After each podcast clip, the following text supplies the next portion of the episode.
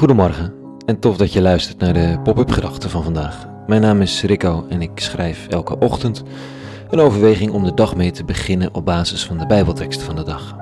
Vandaag met de titel Tussen goddelijke goedheid en menselijke trek. Pop-up gedachten woensdag 18 december 2019.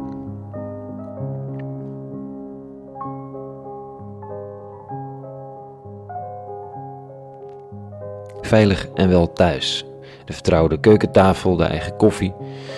Ik durf het bijna niet te zeggen tegen de Afghaanse, Algerijnse, Egyptische en Marokkaanse vrienden die we hebben gemaakt in Bosnië. Zij blijven.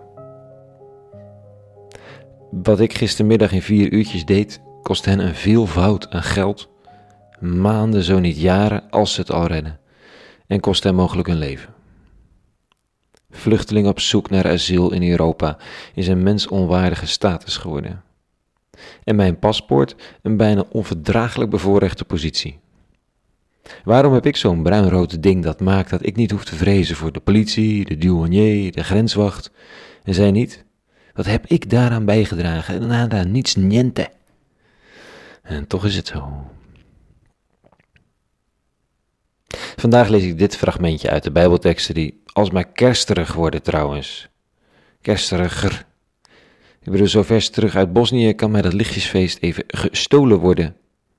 Ik gok dat ik wel weer bijdraai de komende dagen. Het is niet anders. Ik bedoel, het wordt kerst.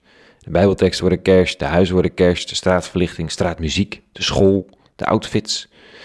Alles wordt kerst en ik zie er nog niet naar uit. Maar goed, het komt wel, denk ik. Vooruit dus maar, uit de lezing van de dag. Een kerstachtig fragment. Men zal hem de naam Immanuel geven, uh, dat is de vertaling van God met ons. Dat is zo'n belangrijk element van kerst. Het opheffen van de afstand tussen God en de mensheid, God met ons. Het opheffen van de afstand tussen goddelijke goedheid en menselijke drek, tussen hoogverheven idealen en de cynische realiteit. Midden in de menselijke shitzooi wordt een kind geboren met de naam Immanuel. Niet omdat de ouders hopen dat de eeuwige af en toe cadeautjes zal laten vallen in het mensenbestaan, om het zo uit te kunnen houden totdat magere hein zijn zijse zwaait. Het idee is dat God in de menselijke pijn, direct in het menselijke leven geboren wordt. Dat de eeuwige, grootste idealen handen en voeten krijgen in exact de onze. Dat de hemel op aarde geboren wordt. Dat is het idee toch? Zou het dan kunnen wegvallen, misschien? Dat hele paspoorten gebeuren? Het over grenzen moeten komen om iemand te worden? De hoge en lage status die aangebracht wordt afhankelijk van de plek waar je wieg heeft gestaan. Dat er onafhankelijk van paspoort of locatie godachtige mensen geboren worden, steeds opnieuw. Omdat er in hun doen en laten iets opstaat dat de eeuwige presenteert. Broeder Markovic in een klooster in Sarajevo zei het gisteren nog tegen me. De katholieke kerk sterft en dat is goed. Ondertussen wordt er onder de mensen een nieuw verlangen geboren. In zijn koor zingen midden in en door identiteiten en trauma's getekend land, moslims, katholieken, atheïsten en joden, liederen uit alle Abrahamitische religies.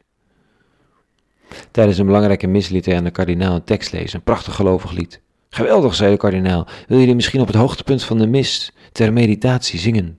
Heel graag, zei hij. Oh, trouwens wel één ding, het is een islamitisch lied. De kardinaal verslikte zich, wees resoluut de mogelijkheid af en stotterde dat het een lieve lust was. Ontmaskering in levende lijven. Maar zegt Ivo, het zal gebeuren dat ik in zo'n mis islamitische liederen zing, zoveel is zeker. En de atheïsten in mijn koor worden steeds opnieuw geraakt door de religieuze liederen en door de gebouwen waar ze in zingen. Er is nieuw elan. God onder ons, niet langer als een systeem waar je dan bij hoort, waarin je loskomt van de dagelijkse dwarsheid van het leven, maar op grensvlakken, op grensvlakken, in pijnpunten, in momenten van onrecht en vreugde, wordt God geboren. Kwetsbaar, onverwachts, ontregelend en liefdevol, hoopvol en inspirerend. Tot zover vandaag. Dank voor het luisteren, reageer en deel vooral. En voor nu, vrede en alle goeds.